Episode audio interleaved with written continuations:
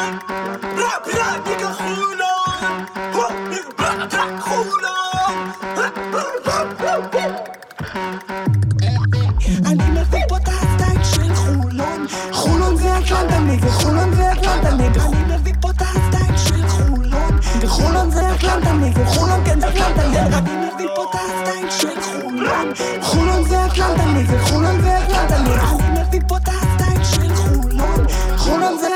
כן נגד יום שישי, 8 ביולי 2022, שעת בוקר, אולפני המקלט, המזגן uh, מתאמץ לתת עבודה, ואנחנו עם פרק 41 של פודקאסט הכל סגול, חתיכת מספר מחייב. תכף נדבר על המספר הזה. אז uh, פרק 41 זה פרק ספיישל, אנחנו הולכים לעשות בו משהו שלא עשינו לפני כן, ומשהו שהתכוננו אליו הרבה זמן, והשקענו בו הרבה מחשבה ומאמץ. Uh, דירוג 20 הזרים הגדולים, תכף אנחנו נרחיב. אמ, אז למשימה הזאת, קודם כל, התחמשנו בפרצופים מוכרים, וגם בפרצופים חדשים. נתחיל עם בני הבית. סתיו טייבוך, מה שלומך? מעולה, מעולה. מה יותר מרגש, הקאמבק של פניני למכבי או הקאמבק שלך לגן סיפור? נמנע מלהגיב. כן, אמ, הישר מרחובות בלבאו העליזים, אוהד אבנשטיין, מה קורה? שלום, שלום. האמת שאני מת על העונה הזו של המלפפונים. כן? זה יותר כיף זה, מהכדורסל זה, נראה ה- לי. לא? כן, כן, כן, אתה, אתה מ... מאוקטובר עד אה, מאי יבש, יוני עד אוקטובר אתה וואי, חי. איזה כיף. ככה איזה כיף. תבשל לנו איזה טורי וולקאם. אה, ובואנה, היום הבאנו חתיכת שחקני חיזוק, אז אמנם השוק הישראלי דל, אבל אנחנו הצלחנו להביא אה, דגים חזקים. לכבוד הוא לי להציג את שני האורחים שאיתנו היום, באמת, מעמודי התווך של סיקור האוהדים בהפועל חולון, שנים אחורה.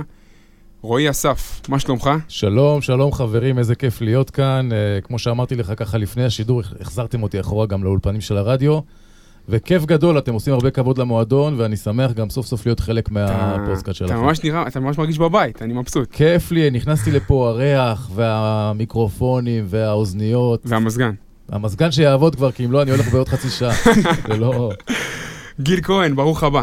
איזה כבוד, תודה רבה שהזמנתם אותי. אה, סוף סוף פרק שאני לא אשמע באיחור מסוים. כן, אלא זהו. בזמן אמת. שחשוב שהמאזינים ידעו, אתה יוצא פרק באפריל, אני מקבל ממך הודעה ביוני, בואנה, פרק ממש לא, לא, מעניין. יוני סוף מאי ככה, אבל לא, אני... ב- אני זה המרווח ש- בין לא- הפרקים שלנו, עונה. כן, נכון. מעולם לא פספסתי פרק של הכל סגול. את כל הפרקים שמעתי. אה, לפעמים זה היה מאוד משעשע, כמו ששובל אה, אומר שלא לזלזל בבלקנית, אחרי שאנחנו כבר עלינו לאיזה כמעט רבע גמר ליגת אלופות. כן. אז, אה, אז כן, אז הנה, פרק שאולי אה, תשמע אותו בזמן. אז כמו שאמרתי, לצורך דירוג 20 הגדולים, היינו צריכים אנשים שמלווים את הקבוצה הזאת מקרוב במשך הרבה שנים. אה, אז ספרו לנו קצת על החיבור שלכם לקבוצה, מה הביא אתכם פעם, היום, אה, להשקיע כל כך הרבה זמן ומרץ בליצור תוכן בלעוד הקבוצה הזאת. רואים במסגרת אתר הקומץ, גיל כהן עם המיזם של חולוניה פאנס, שהוא באמת הולך כבר הרבה שנים. רועי, מה, מאיפה, מאיפה הקטע הזה? טוב, קודם כל אני אוהד של הקבוצה כבר משנת אה, 88, אז אה, איפשהו בתחילת שנות האלפיים, לא היה, ב- האינטרנט התחיל ככה לקבל יותר תאוצה, אתם עוד ילדים, אתם כבר נולדתם לתוך זה, וקרה שלאתר הפועל חולון לא היה אתר שבאמת נתן אה, קול תוכן. לאוהדים, כמו שאומרים. אז אה, ככה התייעצנו והתקבצנו כמה חברים, ביניהם גם אוהד שיושב כאן איתנו. ו- אה, אתה שותף למיזם, הוא לשותף סוד? הוא היה- הוא מהאלה ה- שלוחשים בסתר, נותנים את העצות. והיה שם את יניב שבורין, שהוא... התארח לקח- פה. הוא התארח עכשיו פה, חולוניה.קום, עוד אתר. בדיוק, הוא זה שהצד הטכני היה יותר מבין, ואז הוא הקים אתר בשם חולוניה.קום, ואני שם אמרתי לו, תן לי לדחוף את הפינה שלי אצלך, של אה, לדבר את זה, לדבר פחות פוליטיקלי קורקט ויותר בגובה העיניים של האוהדים, וזה התפתח לאתר שלם שהיה חצי אה, במחתרת, בלי לחשוף שמות, אבל אתה יודע איך זה בין האוהדים שלנו, אחד יודע אז כולם יודעים, אז אתר הקומץ אה, באמת החזיק מעמד יפה כמה שנים, עשה קצת בלאגן אה, גם אה, בתקשורת הארצית עם כל מיני אייטמים. ובאיזשהו שלב אני לקחתי צעד אחורה, וגיל כהן לקח צעד קדימה, ועשה. אימפריה ממה ש... כל מה שקשור לחולון ברשת. זה, זה נראה לי רק התקופה שהיו לנו יותר פלטפורמות מאוהדים. זה כאילו, היה את אה, חולוני קום, היה את. פכטר, אה, הפועל חולון הרשמי, היה את הפועל חולון, היה את אה, הקומץ, והיה גם נכון. את הפורום אוהדים. פורום אוהדים, שהיה מאוד וחולון חזק עוד. לפני העניין של אה, הפייסבוק. ומתי חולוניה פנס נכנסת לתמונה? ב-2009, אה, אחרי הגביע הראשון, או פחות או יותר בתקופה הזאת, במאי 2009, אה, היה את, הקום, את, ה, את הקומץ ובמקביל את, אה, את הפורום, ואמרו לי, אתה מתנסח יפה, אולי כדאי לך להקים אתר. ואמרתי, יאללה, בוא ננסה. וככה אני כבר 13 שנה, אה, לא, לא מפספס משחק, לא מפספס משחק. שום סיכון. כל משחק אחרי זה אתה מקבל אחרי סיקור של הכל, אפילו יש לנו, אה, נו, יש לנו קישור להכל סגול באתר שלך, נכון? כן, כן. לנו- איך שהפורום, אה, איך שהכל סגול קם, אז גם אה, היה איזשהו רעיון מאוד אה, נחמד איתכם, ועם אה, מאיר אז שמע, אז זצ"ל. כן, אז, אז בעיקרון, הדרייב הזה לייצר תוכן סביב הקבוצה זה גם מה שהביא אותנו ל, ל, לעשות את מה שאנחנו עושים, וכולנו יודעים שזה גם בא מתוך מקום של אנחנו לא שבעים ממה שיש בחוץ, זה מה שהתקשורת הכללית נותנת לנו, אז למה שלא ניקח את המושכות ונעשה את זה? אז הנה, אנחנו פה באיחוד כוחות, אני אגלה דרך אגב משהו לגבי חולוניה פנס שכנראה לא שמים לב או לא יודעים. אה, כל הכתבות בחולוניה פנס נמצאות גם באתר הרשמי, אבל באתר הרשמי זה מצונזר. זאת אומרת, אה, לקחתי טיפה מהקומץ, לא, לא הרבה, אבל מתי שאני נכנס באיזה שופט או משהו כזה, אז אי אפשר לכתוב את זה באתר הרשמי. אז כן, אה, אבל אפשר- צריך לציין גם שתמיד היה שיתוף פעולה ביני לבין גיל, בין שני האתרים, גם עם תמונות, גם עם תוכן, גם כל דבר, אם היה צריך משהו ממני או אני ממנו, כן. זה היה בסינדיקציה מוחלטת. כל מי ו- שמייצר תוכן סביב המועדון זה מבורך, וכולם צריכים לעבוד ביחד כדי לפמפם את כל מה שנקרא זה, נקרא הפועל חולון אה, ברשת ובכלל, אני חושב שזה חשוב. אז נזכיר שאני גם בגל גפן כותב על הפועל חולון כבר יאללה. משנת אה, יאללה. 2016 ו-6, שזה כבר... אה, בעצם 16 בגלל, בגלל- בגלל, או למרות, או בזכות גל גפן, לקחתי צעד אחורה מהקומץ והפכתי ליותר במרכאות ממלכתי. אבל אה, כן, אנחנו עדיין מסקרים, אני וגיל וכל מי שמסביב, גם בפייסבוק, אם זה אלמוג ניתן לו את הקרדיט וכל מי שצריך, בשביל לתת, אה, לעשות כמה שיותר רעש סביב הפועל חולון, ו... אז יאללה, וכמובן גם אתם, בוא ניתן, להם, בוא אה, ניתן להם סיבות להתווכח. תגיד את האמת, אתה הכי נהנה לסקר את מכבי ראשון. בנס ציונה. נס ציונה. טוב, אז כמו שאמרתי, איחוד כוחות. למרות אווירת הספיישל שיש פה, אנחנו כן ניתן איזה משהו קטן מ- מענייני היום. Uh, לפני הדירוג הרשמי והמרגש שלנו, אני אפתח בכמה דברים שעל הפרק. קודם כל, קורים דברים. כולם יודעים, רכש, סי.ג'י אריס חוזר, שון דוסון, הארכות חוזה לשחקנים. Uh, אתמול גם הייתה הגרלת BCL, uh, יהיה כמובן סיקור מלא על זה אצלנו בפלטפורמות של אביחי יצחקי, ינתח בדיוק, וגם יהיו פרקים מלאים שיתייחסו רק לסוגיות האלה, גם מקצועית, בניית קבוצה, BCL. היום חשוב לתת את הדברים שהם ממש ככה חמים חמים על הפרק, וזה סוגיית השוק הישראלי. כי זה, אני, אני- אני כשאני בק- בקיץ, אני מאוד לא אוהב לדבר על דברים שהם, uh, שהם לא סגורים. וכנראה מהמצב הנוכחי, אני רואה שכאילו השוק הישראלי זה כבר סוגיה שהולכת לסגור את עצמה, רוב השחקנים כבר משתבצים במקומות שלהם והכל. אז בואו ננתח רגע מה קורה להפועל חולון בשוק הישראלי הקיץ הזה. קודם כל, מסגרת לדיון, אבנשטיין, תגיד לי אחרי זה אם זה צודקים, טועים, אם זה מסגרת נכונה. אה, החבר אביב מלמד בקבוצת האוהדים נותן את המסגרת שצריך מבחינת הנתונים. בסופו של דבר, אנחנו מדברים על השוק הישראלי, אלמנטים חשובים של זהות, של חיבור.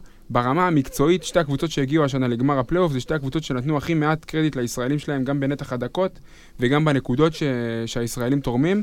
גם שתי- חמש קבוצות בלבד שיחקו עם אה, חמישה זרים, נכון. ארבע קבוצות בפיינל פור, קבוצה אחת ירדה ליגה. יפה. אז, אה, אז, אז הסוגיה הזאת היא... הסוגיה הזאת צריכה, צריכה, צריכה לקבל את, ה, את, ה, את הקונטקסט הנכון.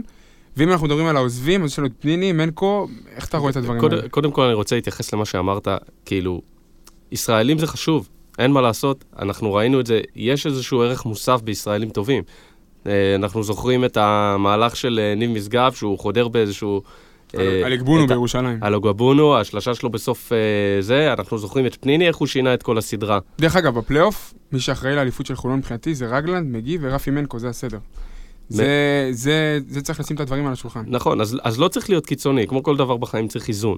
צריך ישראלים טובים.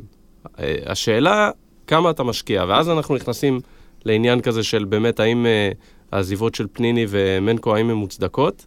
דבר אליי. אה, אז קודם כל, פניני, בואו נשים רגע את הקלפים על השולחן. אני, לפי השמועות לפחות, 120 אלף דולר, שחקן ששיחק איזה 4-5 דקות למשחק נראה לי, משהו איפה? כזה אולי. העונה? העונה. לא, פחות, אה, יותר, יותר. לפעמים, הבנת? לפעמים, ל- לפעמים הוא ירד ל... כאילו, ככל שהעונה התקדמה, גודס הלך ו... הוריד לו את הקרדיט. והוריד לו את הקרדיט, אבל uh, שורה תחתונה הוא אחרי עונה רעה מאוד, והאחוזים שלו לשלוש העונה היו על הפנים, ברור, יש לו ערך מוסף בכל ה...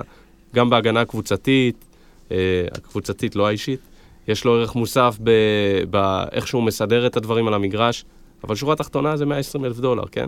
שבשביל הפועל חולון זה... מ- מתישהו, אם גודס לא מחזיק ממנו, אז זה היה צריך להיגמר.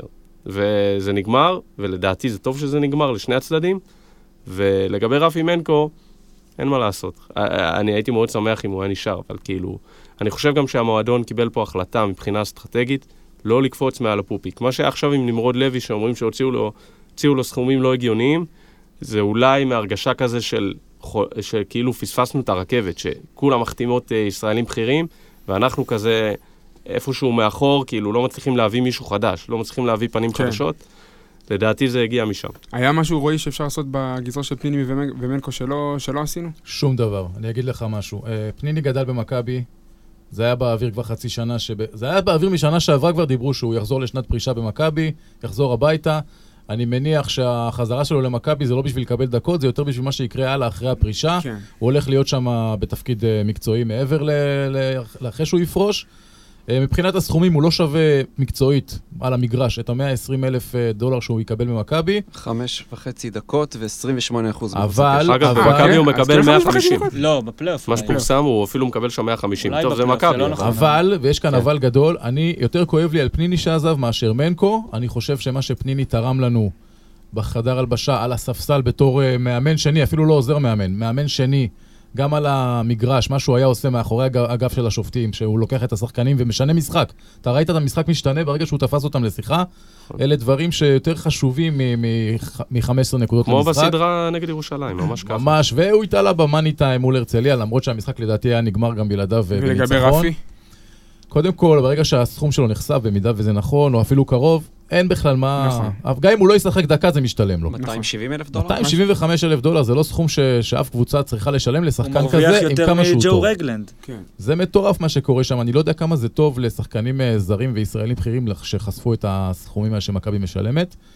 אה, אם הם נכונים, צריך להגיד. אם הם נכונים, ומנקו באופן כללי בעונה, כמובן שאני מאוד אהבתי את רוב העונה ואת מה שהוא עשה, במיוחד בפלייאוף, אבל uh, גם היו הרבה רגעים שאמרתי לעצמי, אני מקווה שהוא לא יישאר כאן. למה? ברגע, הוא עשה הרבה שטויות של... אה, בלהט, הוא פתאום חטף עצבים, אתה רואה את זה במגרש, והתחיל לעשות שטויות. כן, אבל... כן, אבל היה בו משהו ש... שגרם לך כאוהד להתחבר. לגמרי, שפת ואני גוף על חושב- המגרש, והמלחמה הזאת, והטירוף שלו אחרי שלושה. לגמרי, אני חושב זה- שגם... זה היה כיף. זה היה כיף גדול, אבל שוב, אה, פחות כואב לי על מנקו, יותר כואב לי על פניני, למרות ששוב, לא היה מה לעשות במקרה של שניהם לדעתי. אני רק רוצה להגיד שלמנקו לא הייתה פה עונה גדולה לדעתי, אבל בסדר. זה- אני מועד, אני חושב? מועד. אני חושב שהוא עלה על הציפיות, אבל. אני חושב ש... תסתכל בטווח של עונה, לא לא בטווח שהשיא עומד. אנשים דיברו עליו בהחתמה שלו בקיץ, יציבות, אבל- ב- בהקשר של שמחון. אמרו, זה זה שמחון. והיו לו כמה משחקי, היו לו כמה משחקי שמחון. לא, אבל בראייה של עונה, הפערים בין... בין- אבל השפת גוף הייתה אחרת ברור. לגמרי, ובסופו של דבר הוא הביא אותך ל- להישג יוצא דופן, גם באירופה, גם בליגה. אה, ואני חושב שהגיע הזמן גם לדבר על אה, סוגיית המתאזרחים, או המתאזרח שיש לנו זה פרדי בורדיון. אה, וחשוב לדבר על זה בגלל החוק בליגת אלופות, שזה ה-home grown, שאתה חייב אה, אה, חמ- לא- לא זה- חמישה ישראלים, אתה פשוט- צריך עד שבעה מתאזרחים לא- פלוס זרים. זה אומר. שישה זרים פלוס אה, מתאזרח, או חמש ושניים. אה, פרדי למעשה הוא הישראלי הראשון שהצטרף לסגל המתהווה, ואני לא בטוח שזה היה אה, המהלך הכי נכון בתקופת זמן הזאת, כשאתה עדיין לא יודע מי הגבוה הישראלי שלך, כשיש לך את טי.ג'יי קליין עדיין אה, בשוק, לא יודע מה מצבו עם הרפואי. ברך אה, וחצי. אני לא יודע. אה, בינתיים הוא משחק בליגת 3 על 3, אבל אני מבין את הרצון ואני מברך את הרצון להמשכיות, אבל לדעתי עם סוגיית המתאזרח, היה צריך לחכות לראות קודם כל מה קורה בגזרת הגבוהים. גיל, מה לגבי פרדי? אתה חושב שהיה... היה- ההמשכיות שווה את ההתפשרות המקצועית או ברמת העמדה? אני חושב שכן, כי בעידן שבו כבר אין סמלים, ושלומי ארוש כבר אה, לא איתנו כמה שנים, והקהל צריך מישהו שהוא מתחבר אליו. אז אם רפי עזב, אז צריך מישהו אחר שהוא מתחבר אליו, ופרדי עם האבוקה בחגיגות האליפות. יש ערך, איזה תמונה הוא קיבל, הוא קיבל כן. חתיכת כמה תמונה. הוא פרסם על זה ערך מוסף באינסטגרם? וואו. יש ערך מוסף ל- להשאיר בן אדם ש... שחקן שבעצם מתחברים אליו. ניב משגב הוא גם כזה, אני חושב שזה... אה, היה פה שיקול שהוא גם רגשי, לא רק. מקצועי. גודס, גודס מחזיק ממנו הגנתית, מפרדי בורדיון. אני, אני חושב שהוא נתן, הוא, הוא נתן, איך אתה, איך אתה מסכם את העונה שלו ברמת עונה, אבנשטיין? מצדיק את ה... אני, אני חושב שפרדי בורדיון, שקל לשכוח את זה, אבל הוא מביא הרבה נקודות מפנה. יש לו את היכולת הזו לעלות מהספסל ולשנות משחק. הוא ב- עשה את זה לשני באירופה. הכיוונים, אגב.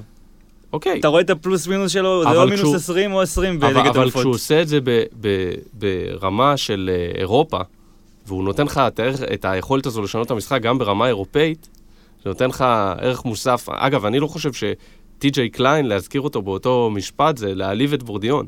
אתה כאילו- חושב שבורדיון שחקן יותר טוב מטי.ג'יי. קליין? איזה קבוצה לא עכשיו רוצה את. טי.ג'יי קליין? איזה קבוצה רוצה היה- עכשיו את טי.ג'יי קליין במצב הנוכחי. שלו? לא, רק בגלל בעיה בריאותית. לא יודע, לא יודע. יכול להיות. אצלנו אבל- היה אבל- שחקן מאוד אפקטיבי. אני לא אומר שהוא לא היה טוב, הי- היו לו עונות אה, באמת מדהימות פה, אבל אה, אני חושב שישראלים צריכים להביא ערך מוסף, זה, זה מהפרספקטיבה שלי, ובורדיון, זה בדיוק מה שהוא עושה. הוא מביא את הערך המוסף הזה של השעונות משחק, ו... אפרופו גם ערך מוסף, ומתחבר לדברים של גיל לגבי המשכיות. אני צייצתי בטוויטר, וטאבוך הסתלבט עליי, ש... שההשערה של ניב משגב זה הכי המהלך, חשובה. המהלך הכי חשוב של הקיץ. סבבה, אולי יצאתי מפרופורציות. והוא כהרגלך. הוא נהנה, אליפות שנייה, מה שנקרא. הוא נהנה להוציא אותי אה. גוזמן. אבל תשמעו, היה... היה לי חשש שניב משגב לא יישאר. לא כי הוא עכשיו הרכז הישראלי הכי טוב בהיסטוריה, כולנו יודעים. אני חושב שברמת החיבור וברמת ההמשכיות, יש שחקנים שאתה מזהה שזה fit. אני חשבתי שגם רפי fit, ובגלל זה העזיבה של רפי למכבי, למרות שאני מנסה להיות אה, אוהד מאוד רציונלי, כמו שנגיד רועי אמר.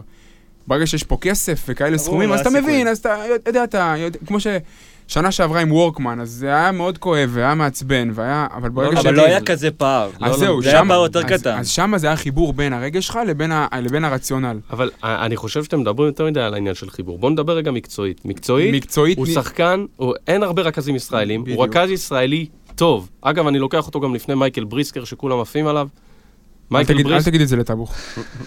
ניב מזכיר את הרכזים לא? הישראלים של פעם. ש- אני נמנע מלהגיב.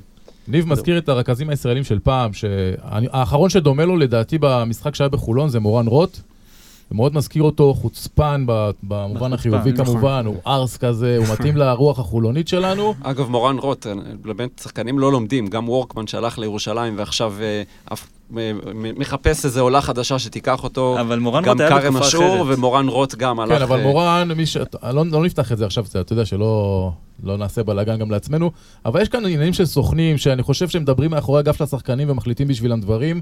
אני חושב שזה היה המקרה של וורקמן, אולי אני טועה, אבל יש כאן הרבה לחץ שהסוכן אומר לו, תקשיב, יש לי פה הצעה בשבילך, אתה פשוט חותם וממשיך הלאה, אתה לא... אז אל תסתכל אחורה. ויכול להיות שבמקרים של אה, פרדי וגם ניב, יכול להיות שהשחקנים באו לסוכן ואמרו, חבוב, אתה גם תקשיב לי. הפיץ שדיברנו עליו הוא דו-כיווני. זה מה ששחקנים לאו דווקא מבינים. זה דו-כיווני, יכול להיות. שעכשיו מנקו, עונה הבאה, לא יהיה סחורה חמה, כמו היום. עם השכר שהוא מקבל השנה, הוא יכול להרשות לעצמו לא להיות חורה כמה שנים, הכל בסדר. תשאל את אה, רוט, נטלי רוט. בוא רגע נשאל, אה, דיברנו על הנשארים, בוא נדבר רגע על מי שמצטרף בכמה מילים. טאבוך נמרוד לוי, דוסון, איך אתה בכיוון הזה? קודם כל, כולנו שמענו את הסיפור סביב נמרוד לוי ואת השמועות. אני לא לא, רוצה... כי אף אחד פה לא יודע שאתה לא רצית להיכנס לאולפן, כי אמרת שאתה רוצה אולפן בתל אביב. עם מזגן. עוד, עם עוד מזגן. משהו. שלא יודעים על נמרוד לוי זה שהוא גם אה, דרש באיזשהו שלב אה, חוזה קאט חד צדדי. זאת אומרת שהוא יכול להשתחרר מתי שבא לו ואנחנו צריכים לשלם לו פיצוי. לא יודע, זה גם מה שטאבוך אני, לא, אני לא מכיר, אני לא אגיד. דברים שאני לא יודע. תשקול אה, גם כזה סעיף. ומבחינתי נמרוד כבר שייך להיסטוריה של השנייה ההיא, וכבר לא צריך לדבר עליו. וזה מביא אותי ל, ל, לנושא קבלת ההחלטות, הגיבוי המהיר שהביאו עם דאוסון, ברגע שבאותה שנייה אה, נמרוד לוי ירד מהפרק, במ- במכה אחת, אה, באבחה אחת, אה, דוסון חתם, ואני לא, לא, לא יודע מה השכר שלו, אבל דוסון הוא לא שחקן זול, הוא שחקן שצריך לנהל איתו משא ומתן, הוא גם שחקן שמאוד מחזיק מעצמו מקצועית. אה, ואם מדברים עליו מקצועית, אני לא יודע איך החיבור שלו עם ג'ו רייגנד יעבוד, כי ג'ו, אה, שון דאוסון הוא, בוא נגיד, אינטליגנציית משחק זה לא נר לרגליו, וליד אה, אה, ג'ו רייגלנד זה יכול להיות בעייתי. הוא פחות שוטר, יותר מייצר לעצמו מכדרור, חדירות. הוא ית- הרבה יותר מייצר לעצמו מאשר אה, שמייצרים בשבילו, בניגוד לרוב השחקנים הישראלים. לא קצת מזכיר את מגי בעצם? מהבחינה הזאתי? לא, עזוב שנייה, ב- אתה... זה מגיל לעניים. מגיל לעניים. אולי, שון לפני. הפציעה הקשה הראשונה, זה שון שאפשר וואו, להשוות אותו לשחקנים שון היה באמת ישראלי. אהוב עליי לפני הפציעה שון הראשונה. לפני הפציעה הראשונה לדעתי היה שווה להיות גם ב-NBA. כן, זה הוא לדעתי. היה קרוב שם, ניו אורלינס ועניינים. וברוקלין גם.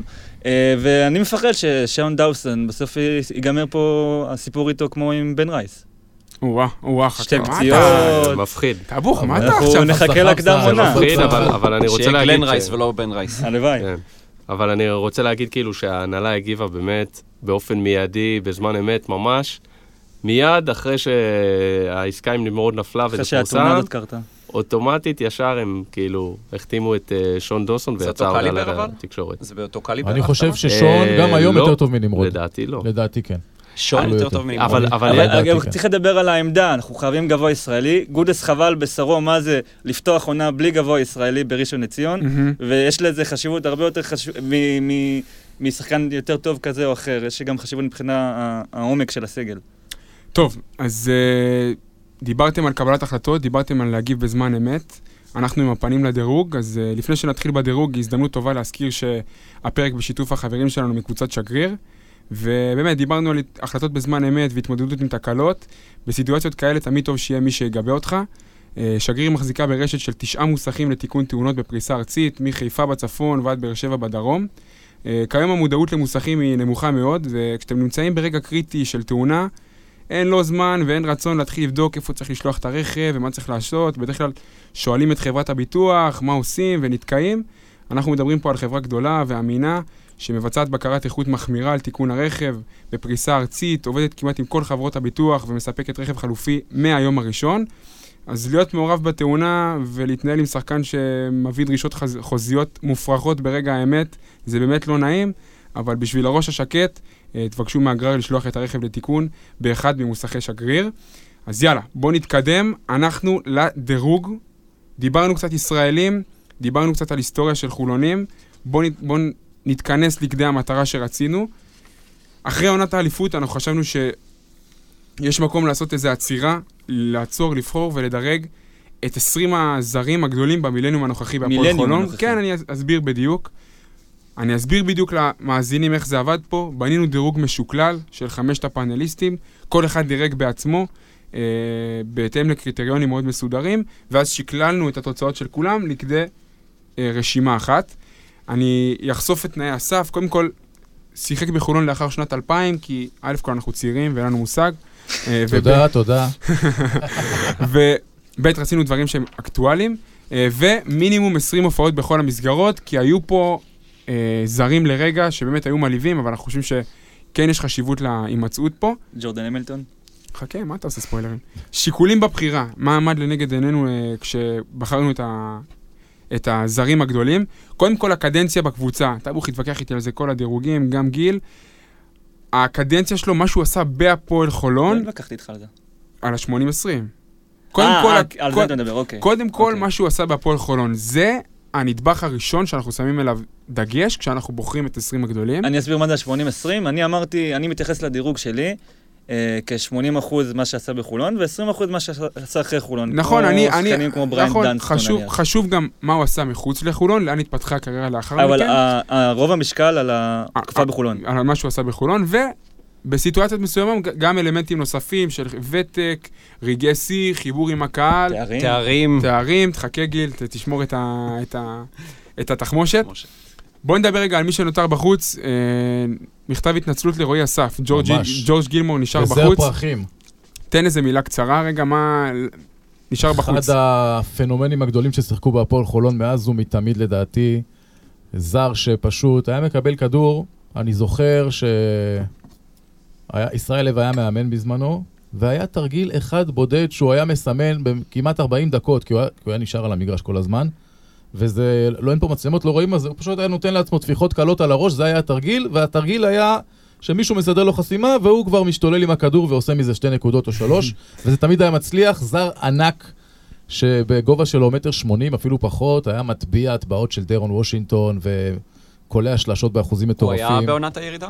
הוא לא היה בעונת הירידה, הוא היה בעונה שסיימנו מקום שלישי, לפני. עונה לפני. לפני. זר ענק. טוב, אז אה, גם עוד אה, שמות גדולים שמבחינתנו שנותרו בחוץ, קליף וויאט, אה, ד- דריון אטקינס, ג'ורדן המילטון אה, ובריין טולברט. מילה שלך על טולברט? מה... אה, בדירוג שאני עשיתי, אני שקללתי גם את התארים של הפועל חולון. יש לנו שתי אליפויות, שני גביעים, ונראה לי לא הגיוני שאחד אה, הזרים שאחראי באופן בלעדי, באמת שלשה פסיכית, שאני לא אשכח אותה אה, הסל כל ניצחון חיי. אולי הכי גדול שראיתי, אבל נכון. אני אתווכח איתך על זה עוד מעט. אז, אני. אז אני חושב שזה? לבד. חייב להביא אותו לסיים את ל-20 הגדולים בתולדות הפועל חולון, אין מצב שלא. אני חושב שסל ניצחון, עם כל הכבוד, הוא לא מקנה מקום לרשימת 20 אני הגדולים. עם טאבו. לא, הוא היה גם זר מצוין היה במהלך זר העונה, מצוין, לא- אה, אבל כן, לא לא הוא לא מעל היה, הפופיק. אגב, הוא גם לא היה מצוין באותה עונה. ושני אסיסטים. הוא לא היה מצוין באותה הוא עונה. היה, הוא הוא היה היה כבר. בדמדומי הקריירה, העונה אולי הכי טובה שלו הייתה עונה אחת לפני זה בעירוני רמת גן, אבל בחולון, נכון. הוא זכור בעיקר בזכות הסל ניצחון, ואם לא, כנראה אגב, היינו שוכחים. אגב, הוא חזר אלינו אחרי עונה או שתיים לזה. נכון, לעונת הירידה, אה, היה כמעט ירידה. כישלון לי, מוחלט, העיפו אותו, כאילו. תשמע, כן. אני אני עם גיל פה. מה, אני חושב סל ניצחון אני צריך להקנות. לו את אני ה- חושב ש... סל ניצחון שהביא תואר זה... כן. אבל אני מדבר על היכולת שלו- בקבוצה, והיא לא הייתה... עדיין היה לך פה תואר. היא לא הייתה ב-level של כל אנחנו לא השאר משופעים הרשימה. בתארים, אתה לא יכול לשים את זה בצד. טוב, אה, התחלנו להתכתש, אנחנו נתחיל. אני רוצה עוד מילה בשביל ההתכתשות, להשלים שנייה את אה, גיל. עוד זר שנשאר בחוץ, ידעתי שהוא יישאר בחוץ, אבל אני בכל זאת, אה, במסגרת רוח הבחירות, אני שמתי שני שריונים אצלי ברשימה. אל תגיד לי קרטיס וויטרס, בחייאת. לא, להגיב. אה, אגב, שלחתי לגיל משהו שכתבתי על וויטרס בזמנו, והוכחתי לו שכל המיתוס הזה שאהבתי אותו, זה לא כל כך נכון. הזר כי שאני... הפורום נמחק. כן. זה המזל שלך. כי אני, הזר שישר, שהיה ברור לי שיישאר בחוץ, ואני בכל זאת שריינתי אותו אצלי במקום ה-19, זה טוני ווישם, שאתם אה, לא יודעים כמה הוא היה זוכרים אותו אצלי גם. פה. הוא אצלי גם הוא היה. נשאר הוא קיבל פירורים. אבל מקום 19 זה אה, שתי טוני נקודות. ווישם, לא, ב- ב- נטו שריון, בעונת אליפות הוא היה בסכסוך עם מיקי דורסמן ולא שיחק, לדעתי היה יכול לתרום לנו הרבה יותר, למרות שזכינו באליפות, אז הכל טוב. מר נקודה לדקה. נער הנקודה לדקה, מה שהוא עשה בליגה הלאומית בקבוצה, זה נראה לי אף זר לא עשה בליגה הזאת. וגם עונה אחרי, הוא עבר לנתניה וכיכב שמה. זר שהיה יכול להמשיך בליגת העל, לככב שמה. גם בנהריה, אני חושב. גם לי יש אחד לא ששמרתי בצד, אה, טייטוס אייבורי. ותדבר מאוד עם. אוהד, דבר יוצא עם אוהד. טוב, אה, בוא נתחיל עם ה... בוא נתחיל לרוץ. אנחנו מדרגים ממקום 20 עד המקום הראשון. אנחנו נחשוף, אה, כל אחד יחשוף את המקום אה, שלו, אה, לפי מה שהוא מציג. זה לא שלו, זה... לפי הרשימה. הרשימה היא של כולם. הרשימה משותפת, כל אחד קיבל להציג אה, את השחקן שלו. נתחיל עם גיל, במקום ה-20. אה, טוני קרוקר, עונת אה, 14-15, עם אה, אלעד חסין, העונה האחרונה באולם הפחים. אה, סיימנו מקום שלישי ועפנו ברבע הגמר 3-1 מול ראשון לציון. סמול פורוורד, כ-14 נקודות למשחק, 4 ריבאונדים. אה, יד פסיכית מחוץ לקשת, אה, אצלנו כלה 48.8 אחוז. כל הקריירה, כל הקריירה. כל הקריירה היה לו בין 36 ל-43 אחוז, אצלנו זה היה עונת השיא. Uh, בהמשך שיחק אפילו ביורליג, בחימקי. בחימקי מוסקבה. עונה שעברה היה. בשטרסבורג, יריבתנו ברבע גמר ליגת אלופות, אחרי. הפצוע. נכון. Uh, שחקן טוב סך הכל. כן, אדוני. העונה, ההיא הייתה עונה עם זרים טובים, שלא התחברה לכדי שיא. זאת אומרת, בשיא, בזמן המאני טיים, לא הצלחנו להביא את עצמנו לידי ביטוי, אבל היה גם את קרוקר וגם עוד את הזר הבא, שאני אציג בהמשך. רואים משהו, מילה על קרוקר? פספוס. מאוד אהבתי אותו, זר מאוד קשוח, לא חושב שנזכור אותו בעתיד הקרוב או הרחוק. יש לו תמונה עם הבן שלי שהיה בן שנה, אז אני... נו, זה לא שווה טופ 20? טולברט היה צריך להיות. אה, אני זוכר שאני הייתי בחתונה של חבר באותו זמן, והיה משחק שלנו נגד מכבי בבית, בפחים, וטוני קרוקר פשוט התפוצץ שם. כאילו, רבע ראשון או שני, פשוט התפוצץ. אני לא... אני- והצליח אחרי חולון לעשות קריירה יחסית נאה ברמות. הגבוהות היה של. אירופה. במשחק הזה הוא קלע 36 נקודות. אז אני חושב. שהמקום ה-20, אה, טוני קרוקר. אה, אני אמשיך אה, ואני אציג את המקום ה-19, מרקוס פוסטר, אה, במקום ה-19. אה, אתה אוהב. שערורייה. אה, ממש. לא, רגע, חכה.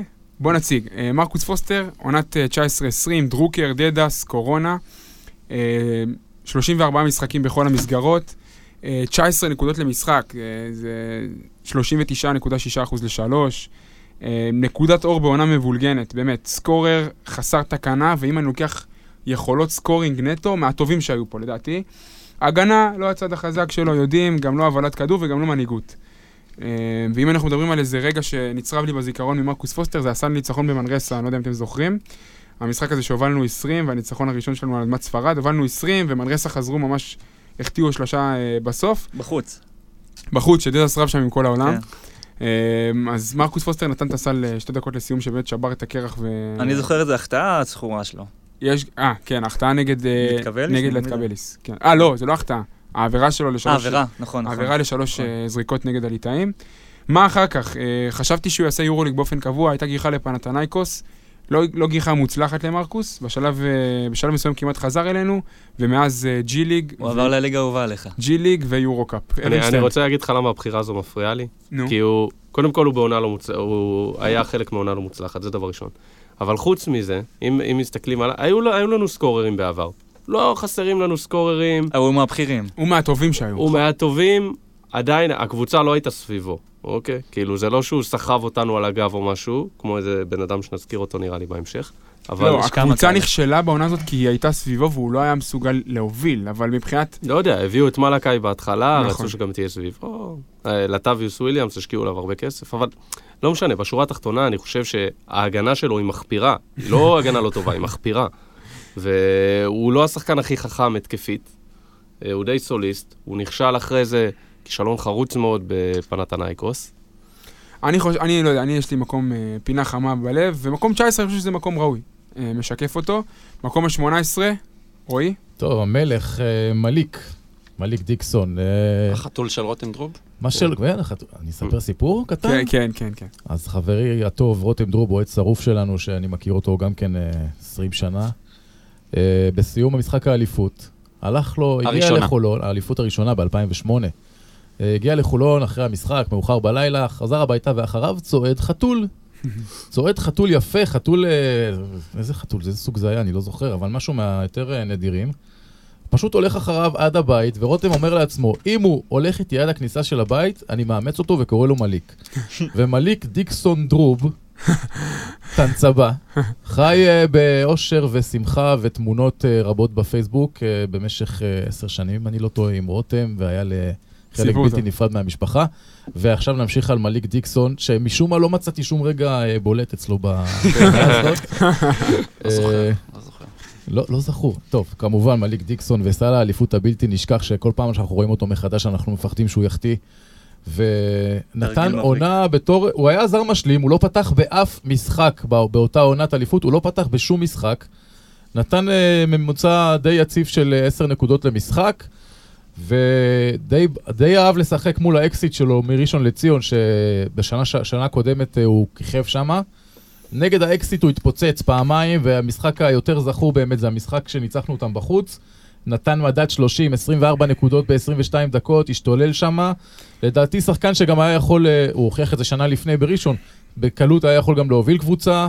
אצלנו היה זר משלים, ודי די היה לו בסדר עם זה. די התחבר לחבר'ה, ואחד הזרים באמת האהובים שהיו כאן הר- בחולון. רגע, אני רוצה להכניס קטנה, אה, גם במשחק האליפות, אגב, הוא סיים עם 10 נקודות. נכון. זה לא שזה רק עשה לאליפות, היה לו שם, הוא נתן משחק טוב. אני, שוב, אני לא הכי אוהב את הבחירה, כי הוא היה פה בסוג של אה, סוף הקריירה. אליפות ראשונה, חבוב, אתה לא יכול... אני. מסכים איתך, אבל יש עוד הוא לא אוהב אנשים ש... סתיו לא אוהב תארים. יש אנשים. שהביאו פה תארים ועדיין ברשימה. אה, חוץ מזה, אני רוצה לחתום את הדיון עליו, שהוא היום בן 46, אה, והוא היה אמור להיות בהפועל ירושלים באיזה שלב מסוים בקריירה שלו, והוא לא הגיע לשם בגלל שהיה לו איזה דימום בפנדצית, ואז הוא נאלץ לפרוש. וואו וואו. זה היה שנתיים אחרי איזה האליפות, לס- בהפועל איזה ירושלים. כיף לסיים איתך באווירה טובה. מקום 17, אבנשטיין. אה, טוב, אז אה, דרון וושינגטון. או-אה. אה, באמת. כן, זה עונת אה, טולברט פלורס, עונת הגביע. אה, קודם. כל, אני חושב שהוא היה צריך להיות גבוה יותר, באמת. אה, קודם כל, מה הדבר שדני פרנקו אמר עליו ישר שהח- שהחתימו אותו? החתמנו שחקן מדליק. וזה היה דרון וושינגטון. כן. היה לו, תקשיבו, הוא עשה פה מספרים מטורפים. הוא קודם כל, מי הוא היה? הוא היה stretch four כזה. אה, אגב, כדי להתכונן, stretch ראיתי... לא כל כך הוא היה, רק בסוף הקריירה הוא נהיה stretch. stretch למעלה. הוא היה זורק כן. אצלנו שלשות, ת- תתפלא. זורק. כאילו 30 אחוז לשלוש, משהו כזה. אבל אה, ראיתי את המשחק שלו נגד, אה, את המשחק שלנו נגד אה, רוט, נעימי וגודס היה אז, אז על הקווים, ורציתי כזה להיזכר במה הוא עשה. אה, באמת, היה סוחט, אגב, סטטיסטית, סוחט כמעט חמש עבירות למשחק. Uh, 15 וחצי נקודות, שבע ריבאונד ב-30 דקות. היה לו חוש מצוין לחטיפות, זה אני זוכר באותה עונה. היה ממש, אה, כאילו, חוטף את הכדור, רץ לפאסט ברייקים ודופק דנקים. אני נורא אהבתי אותו. אגב, סחט שלוש עבורות תוק- תוקף ברבע האחרון בגמר גביע. וואו. אבל לא, אבל כבר- אבל כבר אני לא- לא אשכח שכל אה, החטאת עונשין, או כל פעם שהכדור של היריב בזריקת עונשין טייל על הטבעת, הוא פשוט היה קופץ מעל הטבעת ואוסף את הכדור, ופשוט אה, מוציא אותו החוצה שלא אתלט ייכנס. ענק. כיף של מי שחקן, השחקן הווירטואוז הכי. גדול שהיה פה? אתלט ענק, אני לא יודע איך אתה לא, איך אתם לא מזכירים את זה שהוא ממש קופי של אה, קייזר, גם בשיער, גם בפנים וגם בנטורים וגם ביכולת הבינונית. איך הוא אוהב לעקוץ בסוף. כן, טאבוך, נקסט. במקום ה-16, סי.ג'יי אריס, שחקן שאנחנו נראה אותו בעונה הקרובה בהפועל חולון. אה, אולי זה נשמע קצת מוזר, אבל הבחירה זה בעיקר בגלל היכולת שלו באירופה, שהוא זכה ב... הוא נבחר לחמישיית העונה בליגת האלופות. היה לו גם ממוצעים מאוד מרשימים, אם אתם לא זוכרים, הוא שיחק פה בעונה של דדס, בעונה הקודם. קודמת קודמת. אה, ממוצעים שלו בליגה, ליגה פלוס ליגת אלופות, מעל ל-16 נקודות למשחק, מעל 4 אסיסטים. יציב, יציב מאוד, לקראת אלגנטי סוף מאוד. העונה הוא קצת דעך. אה, למרות שבפלייאוף היו לו מספרים יפים מאוד. הייתה תחושה שהוא בדעיכה, אבל מבחינת מספרים הוא לא הביא יודע, אחלה מספרים. האחרונים שכבר לא לא שיחקנו, הוא גם כאילו... הוא היה כבר סחוט לגמרי בלי טיירוס, הוא היה סחוט לגמרי. איך. השילוב שלו יהיה עם רגלנד לדעתך? יכול להיות בעייתי הגנתית, התקפית אבל יעבוד טוב. לדעתי, אגב- למרות שסי.ג'יי הוא רוצה הרבה מאוד את הכדור להוביל התקפות וביחד עם רגלנד זה לא כמו עם מגי, זה שונה לגמרי. אה, לדעתי הרגע הזכור זה קצת מפתיע, כי היו שני שחקנים שגנבו לו את ההצגה. אבל בברינדיסי בבית, הוא כלה שם נכון. 24 נקודות, החזיק אותך במשחק עם נכון, חמישה נכון, נכון, אסיסטים. אה, פשוט גיא פניני ומקסים דזו גנבו לו את ההצגה. לדעתי, אגב, הוא מאוד מזכיר את אה, טרס סימונס במשחק שלו, באלגנטיות, נכון, נכון. אבל הוא יותר טוב ממנו. ואני מאוד מקווה שהעונה הזאת, הוא ישמור על יציבות באמת. לכל אורך העונה, וזה מתכון אה, להצלחה. אחלה סי.ג'י אריס. אה, בוא נתקדם למקום ה-15. שלי. אה, סימונס. שלום. אה, כן, עכשיו דיברנו עליך. אבל אמרת שהוא יותר טוב. אני לא אוהב את סימונס, סליחה, בתור שחקן, כי אני לא יודע איך הוא בתור בן אדם, אני מניח שהוא אחלה בן אדם. תשאל את רובינסון. אז אני אשאל מישהו אחר, כי אני ציינתי לי כאן להגיד לכם שהוא חבר טוב של פרדי בורדיון, וגיליתי את זה ב... Mm. ב... ביום של החגיגות אליפות. פתאום פרדי, יצא לי ככה להיות לידו, והוא היה בשיחת וידאו, ודיבר בצרפתית אה, אנגלית עם מישהו, והוא הסבב אלינו את הטלפון, וראינו שזה טרס סימונס, שמברך אותנו על האליפות, אותו, ו...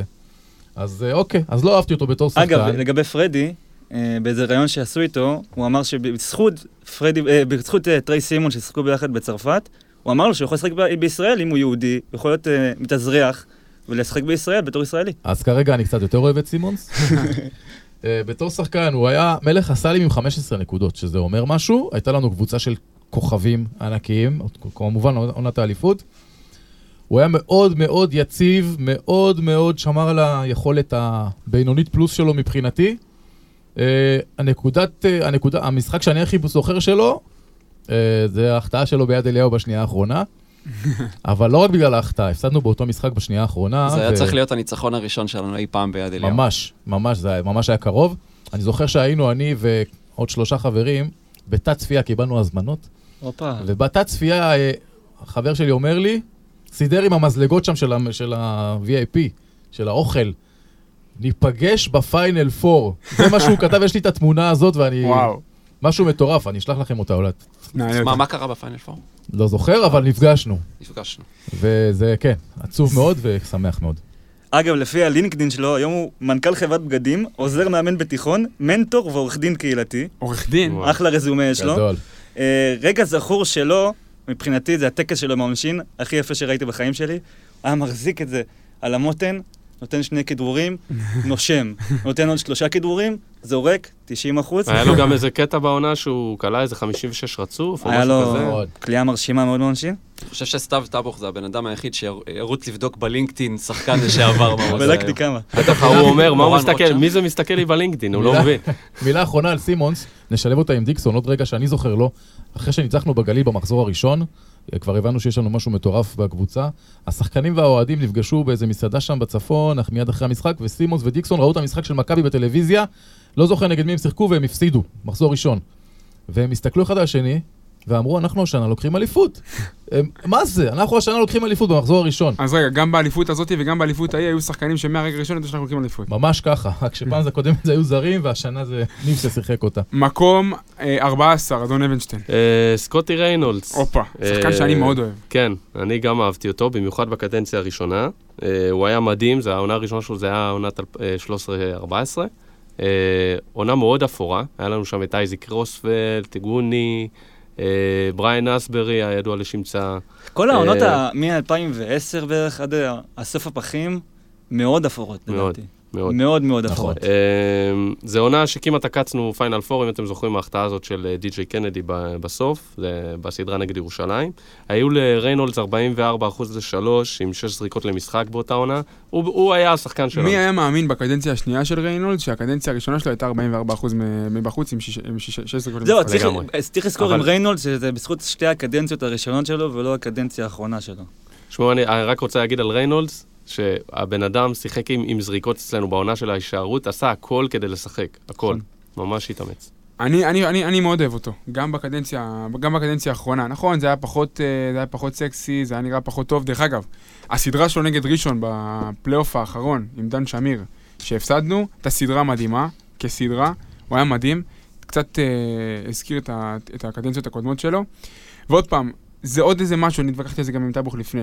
שחקנים שעשו פה כברת דרך, היו פה יותר מקדנציה אחת, כבר הם מוכרים, הם צברו פה איזשהו ותק והכרה, זה גם שיקול. לגמרי. וסקוטי ריינולד זה הדבר לדעתי המרכזי, כי הקריירה שלו אחרי חולון לא הייתה... לא, אבל דווקא אחרי הקדנציה האחרונה בחולון הייתי בטוח שהוא לקראת הסוף כבר, הוא הפתיע אותי לטובה. מה הוא עשה? BCL, או שטרסבורג. עד- קודם כל עדיין הוא משחק. וחוץ מזה, הייתי בטוח שהוא באמת אה, יפרוש ישר אחרי. אה, אגב, הוא אגדת מכללות ברמה מאוד גבוהה. וילנובה. וילנובה, ג'יי רייט, המאמן שלו, אה, דירג אותו במקום הרביעי מבחינת הגארדים אצלו בקבוצה, מעל קייל לאורי ושחקן של מכבי תל אביב בעונה הקרובה, דארן היליארד. יפה. שזה מאוד מפתיע. אה, מי במקום הבא? טבוך? אה, פרנק the tank האסל, במקום השלושה עשר, אה, הוא באמת היה פה מפלצת מספרים לא נורמלית. מה שהיה חסר לנו שנה שעברה. היה צריך להיות מדורג הרבה יותר גבוה. באמת? היה, צריך. לא להיות ברשימה. הופה. יש פה ממש חילוקי דעות, אני אסביר רגע רקע עליו, הוא היה פה בעונת לא- 2012-2013, עונת היורו צ'אלנג' עם אה, דייסון, אה, זאק רוזן אני זוכר אותו, דומיניק אה, ווטרס. אה, הקבוצה הזאת לא הייתה מוצלחת, היא סיימה במקום התשיעי. הממוצעים שלה בכל המסגרות היו 18.5 נקודות ו-13.5 ריבאונדים. בתוך- מתוך אה, 26 משחקי ליגה, 22 היו עם דאבל דאבל. אולי הסנטר באמת הכי דומיננטי שהיה פה, הוא... הוא- איך להשאיר בחוץ, מר אוהד? תקשיב, זה, זו עונה שכל הזרים עשו מספרים, אתם צריכים להבין את זה. כל הזרים שיחקו... והיינו בטופ של כל הקטגוריות מה זה. הוא, הוא שיחק, הוא, אה, אה, כל זר שיחק שם איזה 35 דקות. לא היו לנו ישראלים, היה לנו את שון דניאל באמצע העונה, אה, היה את שלומי ארוש איזה שהתחיל גם? כן. ושלומי ארוש היה, והיה ג'ף רוזן, וזהו. לא היית שם אותו בטופ מלך 20? הנקודות, האסל סיים מלך נכון. ה- היה והיה ודורון הסנטר באמת. האסיסטים. לא היה לך דברים כאלה בחולון, זה ממש לא אופייני מה, לא למועדון. לא שווה טופ 20? אבנשטיין? לא. אה, רק לא, אני רוצה אולי לציין בתחתית. שהייתי בטוח שאחרי חולון הוא התפוצץ, זה ממש לא קרה, הוא נדד באיטליה, הרצליה, טורקיה, צרפת, אפילו ביבנה, אם אני לא. טועה בעונה נכון. האחרונה, השנה שיחק בארגנטינה. המשותף לכל הקבוצות שלו זה שכולן היו בתחתית. רוב רובן היו בתחתית. ככה שאולי משהו אצלו לא מתחבר. מילה שלך למה הוא היה שווה יותר אפילו? סנטר ענק, אני דירגתי אותו במקום השביעי, אבל אני, אני אגיד לכם משהו, אני יותר דירגתי גבוה, ניסיתי כמה שיותר שחקנים גבוהים, שזה מצרך נדיר ב, בכלל ב, בשוק האירופאי לדעתי. אה, האסל היה מפלצת, הוא עשה דברים מתחת לסל שאני לא זוכר הרבה זרים שעשו כאן. אולי כמה בודדים שגם כן מדורגים כאן בדירוג. ובאמת אני לא מבין איך אה, מר אבנשטיין רוצה להשאיר אותו בחוץ. אם הוא היה עונה שעברה, היינו מגיעים אפילו יותר גבוה בליגת אני גם. חושב. ב- ביכולת שלו של אותה עונה, כן. במקום ה-12, גיל. אה, דומיניק מגווייר, אה, גם עונת 14-15, העונה האחרונה באולם הפחים, שקצת דשדשנו בפלייאוף, power forward סופר קשוח, 15 נקודות, 7.7 ריבאונדים, 3.6 אסיסטים, מדד 20 וחצי.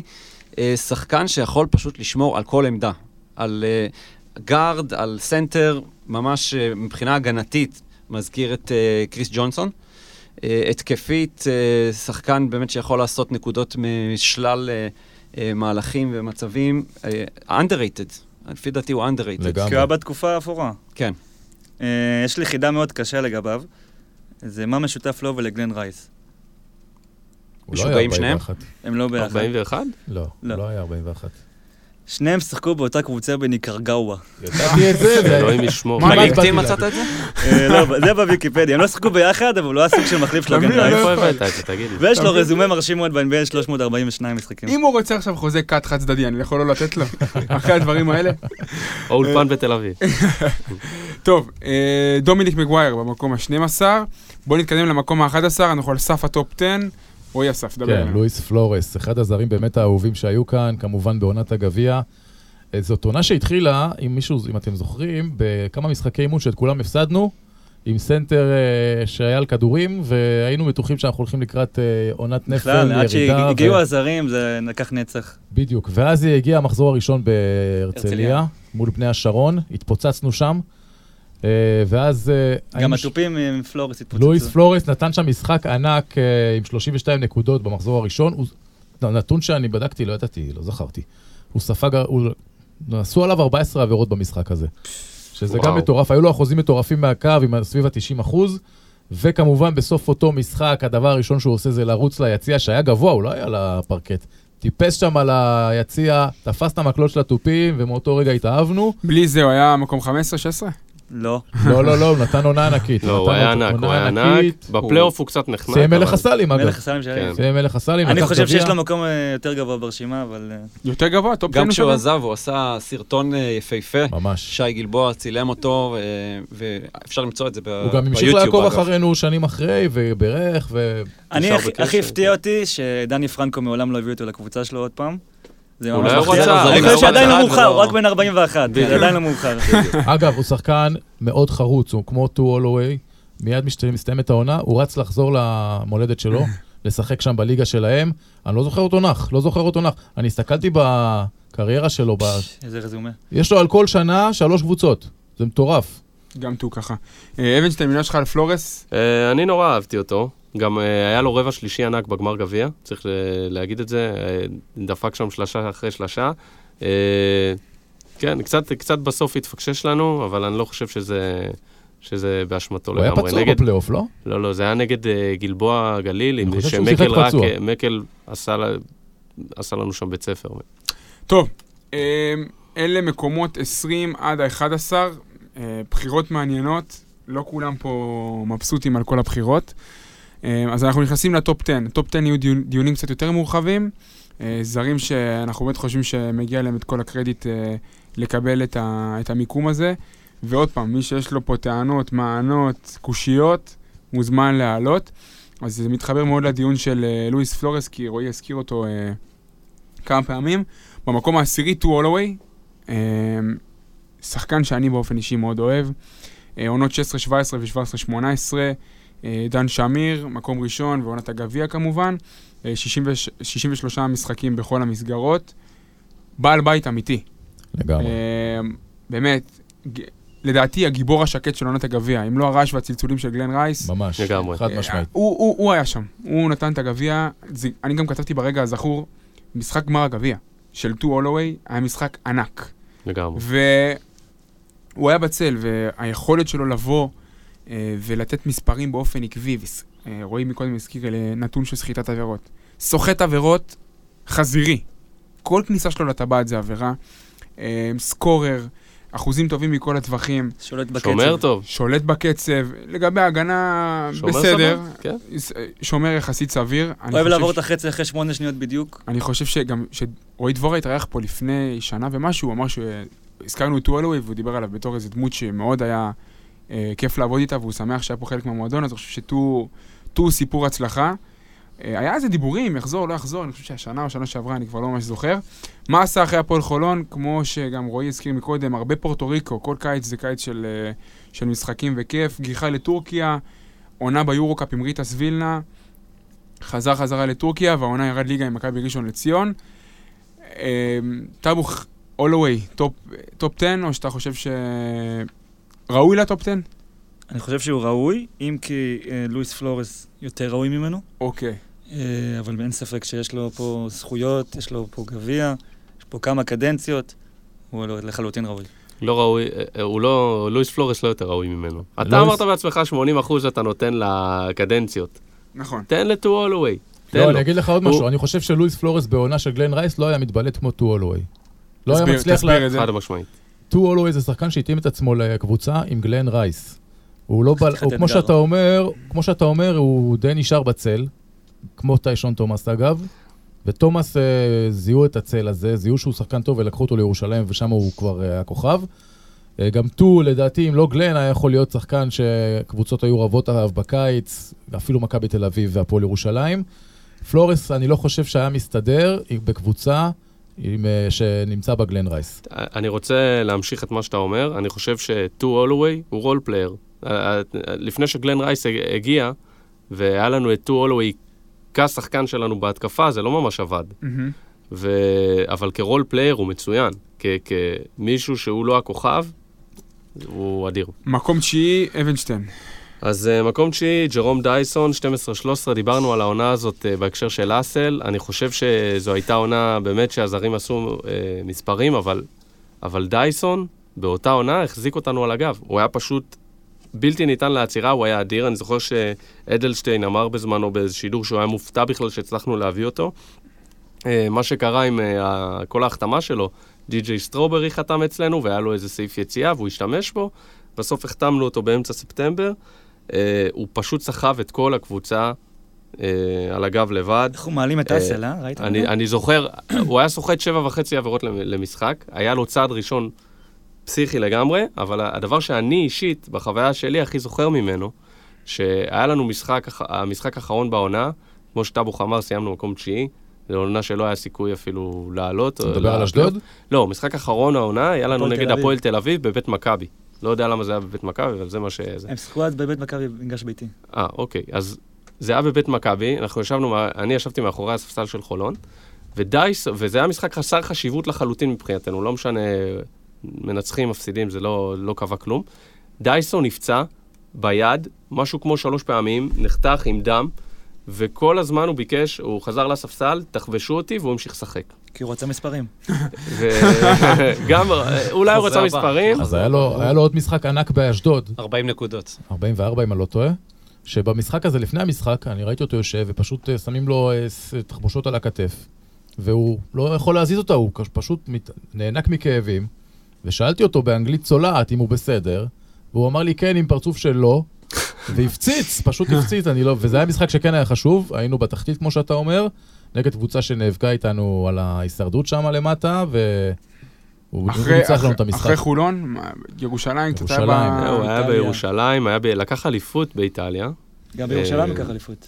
גם בירושלים. נכון, נכון, גם בירושלים. אני פחות מתחבר לבחירה, כי שוב, הוא היה בקבוצה של מקום תשיעי, ואני חושב שהוא היה צריך להיות מדורג יותר נמוך. בלעדיו אתה היית יורד ליגה. נכון. אז, דייסון אה, אני לא ו-40 בטוח. הנקודות היה הכותרת אז. אז 40, אני, אני איתך. מקום שמיני, טאבוך. מקום שמין, או-אה, מפחד שיצלבו אותי. אני מפחד לה- להציג את זה, אבל אני אגיד, בריאן דנסטון. ענק. למה אתה מפחד שיצלבו אותך? כי שוב, אנשים זוכרים את הקריירת יורוליג המפוארת, ממש לא. וגם פה הוא היה, היה היה טוב, אדיר, הוא היה אדיר. היה טוב מאוד. אני חושב שאנשים אה, מעליו, יש להם יותר זכויות ממנו. אה, אה, למה? כי הוא היה, שוב, בעונות האפורות. אמנם היינו במקום לא שלישי. היינו במקום שלישי, נכון, מסכים איתך. אה, והוא העמיד פה מספרים מאוד יפים, 15 נקודות למשחק, תשעה וחצי ריבאונדים, הוא היה מלך הריבאונדים של הליגה. אה, אבל שוב, אני חושב שהם, עוד מעט נציג את האחרים, היו יותר טובים ממנו. אה, ומה עשה אחרי, כולם יודעים. היה באולימפיאקוס והיה באנדולו. עונה אחרינו היה בוורזה, אחרי זה הוא עשה את ההתקדמות ליורוליג. ומה שהכי מרשים, שבעשור משחק בשלוש קבוצות בלבד. זה מעיד כמה הוא שחקן אה, גדול. שתי- שתי שתי זכויות שתי ביורו. זכויות ביורוליג, שתי זכויות בשחקן ההגנה של המפעל, מלך החסימות מלך בכל החסימות של הזמנים. של היורוליג. רזומה. אתה אתה, אומר מצד אחד הוא לא ראוי, ומצד שני מקריא עליו את כל הסופרלטיבים. לא, אבל אבל 80 אחוז זה הקדנציה אצלנו, והקדנציה אצלנו. לא, אם אתה בחיתולים. מבקש- לא, לא, לא, לא, זה 80 הקדנציה אחוז. אני לא זכרתי את הקדנציה שלו כל כך טובה, כמו נכון. שפתאום ראיתי את המספרים. זה לא רק המספרים, זה ההופעות, אני זוכר את ההטבעות שלו, היה פשוט נעמד מתחת לסל, מחכה שנייה, מתרומם לגובה של 4 מטר, ולא יודע אבל מה אתה זוכר אותו כל כך דומיננטי, ממש, ב- ברמה כן. של מקום שמיני? אני לא במספרים זכרתי אותו. ככה. גם תראה את זה אני ממש במספרים. לא זכרתי אותו ככה. אגב, אם אתם שו- מבקשים ממני לבחור משחק שאני רוא- שאני רוצה לראות מאיזושהי עונה, אני בוחר את העונה הזאת, 11-12. זו הייתה עונה עם כדורסל מה זה אטרקטיבי. אה, רון לואיס, מורן רוט, היו, כל משחק היו עפים לך איזה שלושה ארבעה אליופים. מה, זה, זה הייתה עונה מדהימה. לקחנו את ירושלים בפלייאוף בלי יתרון באיטיות. אתה זוכר את זה? כן, כן. זה משהו ענק, הוא היה שחקן אדיר, אני באמת לא מבין איך אתה... לא, ואתה אמרת מקודם, ה-80-20 זה רק, זה תיאור. אני לא חושב שזה 80-20. אני חושב שאם יש שחקן שעשה פה עונה טובה, ואחרי זה לקח פעמיים יורוליג, והוא מלך החסימות של היורוליג בכל הזמנים, והוא יצא, עבר בהפועל חולון, הוא חייב להיות בטופ 20 גבוה, גבוה, גבוה, אצלי. הוא במקום רגע, אבל השלישי, אם אגב. המספרים אה, משחקים, אז יכול להיות שפרנק קאסל כן צריך להיות. אגב, בטופ אה, 20. אה, אגב, אם פרנק. קאסל, אה, אנחנו מדברים עליו, ורזה הרי לקחה את אה, דנסטון אחרי העונה בחולון, ועשו אותו דבר עם פרנק קאסל. עם השחקן השני זה פחות הצליח. אתם זוכרים שהוא הגיע אלינו מהרצליה? או מבני השרון, מה שזה לא יהיה שם. השרון, כן. כן. זה שמיר... דן שמיר הביא אותו לארץ, דן כן. שמיר יש לו עין לשחקנים גבוהים, וזה עוד אה, משהו אדיר. שון ג'ונס. אה, טוב, הוא במ- הביא מישהו שהיה במכבי, גם עוד גבוה, ברח לי השם שלו. אה, מקום אלטון השביעי, בראון, לא? אה, לא, מה פתאום, דן שמיר. לא, מקום לא. השביעי, אה, טיירוס מגי, לא צריך להציג אותו יותר מדי, גם בעונה האחרונה, גם עונה לפני זה. אה, אלוף ישראל המכהן הלך, עזב לצערנו לסין תמורת 600 אלף דולר, אבל בינינו מי לא היה עוזב תמורת כאלה סכומים. ברור. אה, ירד בנקודות מהעונה הראשונה, מ-18.1 ל-14.9, הבין את מקומו בקבוצה, הגיע באמצע העונה והבין שהקבוצה הנוכחית היא של ג'ו רגלנד, ולכן אה, התאים את עצמו לקבוצה. הוא אמר-. הוא אמר את זה בסרט, הוא אמר את זה בחולון כן. בלבר. רואים אותו אומר, זו קבוצה של ג'ו רגלן. פנומן, יכולת חדירה, אני חושב שהוא, הוא- אפשר להגיד שהוא החודר הכי טוב ששיחק אי פעם בהפועל אולי. דייסון? אולי הראש- ג'ורג' לא, לא לא חושב, יודע. אני לא חוץ חושב. בעונה משי לא. מולנר בלאומית, אבל... זה שהוא מתחת לבא בתור, אני מתכווץ פה בכיסא, אבל בסדר. אגב. אה, האליפות משחקת פה תפקיד משמעותי, כי אם לא היינו לוקחים אליפות הוא לא היה במקום השביעי, וגם כשהוא היה פה שתי קדנציות זה גם משחק אה, תפקיד מאוד משמעותי.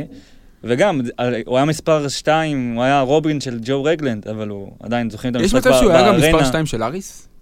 אם אני לא, מסתכל על זה לא. במבט אני אני לאחור? חושב שגם יכול להיות. לא, הם היו שווים, כל פעם מישהו אחר התבלט. זה היה לחלקים ככה, לחלקים ככה. ושוב, צריך לזכור את המשחק בארנה. היה סל ניצחון שנשכח, כאילו...